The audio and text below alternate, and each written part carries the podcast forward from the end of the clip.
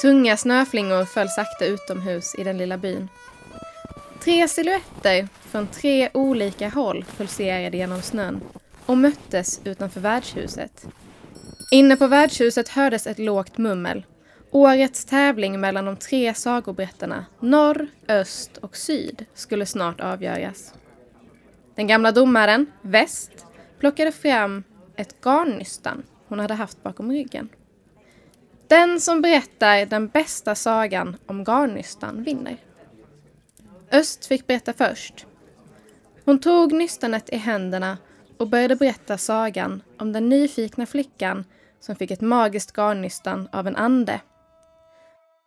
Om man rullade upp en bit tråd av nystanet reste man framåt i tiden, men det gick inte att resa bakåt.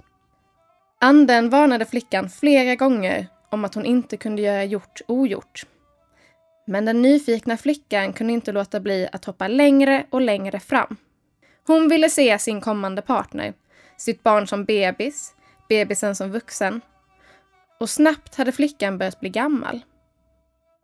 När flickan bara hade lite kvar av nystanet bestämde hon att hon fick bara hoppa framåt en gång till.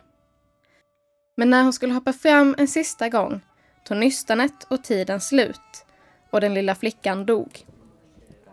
Vilken spännande saga och vad hemsk den var, tyckte domare Väst. Men vilken saga skulle Syd välja? Syd tog nystanet och valde att berätta sagan om riddaren.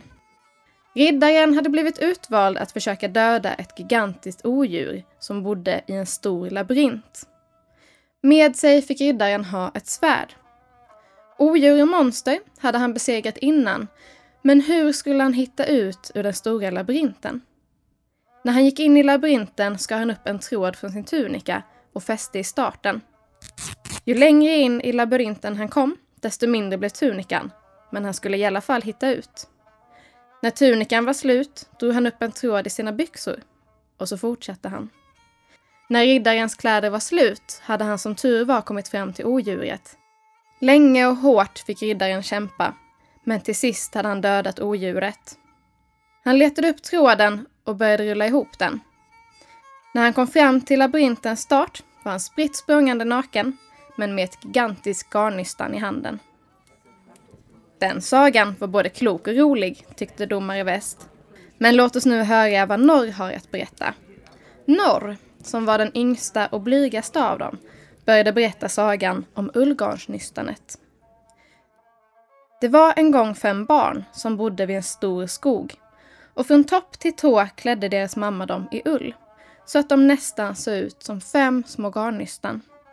Skogens häxa tyckte att de var så söta så hon kidnappade dem och så förvandlade hon dem till levande små garnnystan. Men barnen var listiga och lyckades rulla hem och deras mammas kärlek gjorde att de förvandlades till barn igen. När häxan kom för att kidnappa barnen tillbaka så lurade mamman häxan och gav henne fem riktiga garnnystan. Och när häxan insåg vad som hänt blev hon så arg så att hon sprack. Oj, den häxan verkade elak, tyckte Väst. Men nu måste jag bestämma vem som ska vinna. När Väst tänkt efter länge och noga så sa hon att alla sagorna är lika bra. Ingen av er vinner och ingen förlorar. Men ni ska alla gå ut i världen och lära er så många sagor ni kan. Så ses vi här om ett år igen och har en ny tävling. Och så gav sig de tre sagoberättarna iväg åt varsitt håll från värdshuset.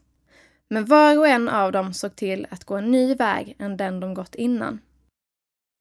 De kommande 23 dagarna kommer ni få höra några av de sagorna som de lärde sig under sina resor.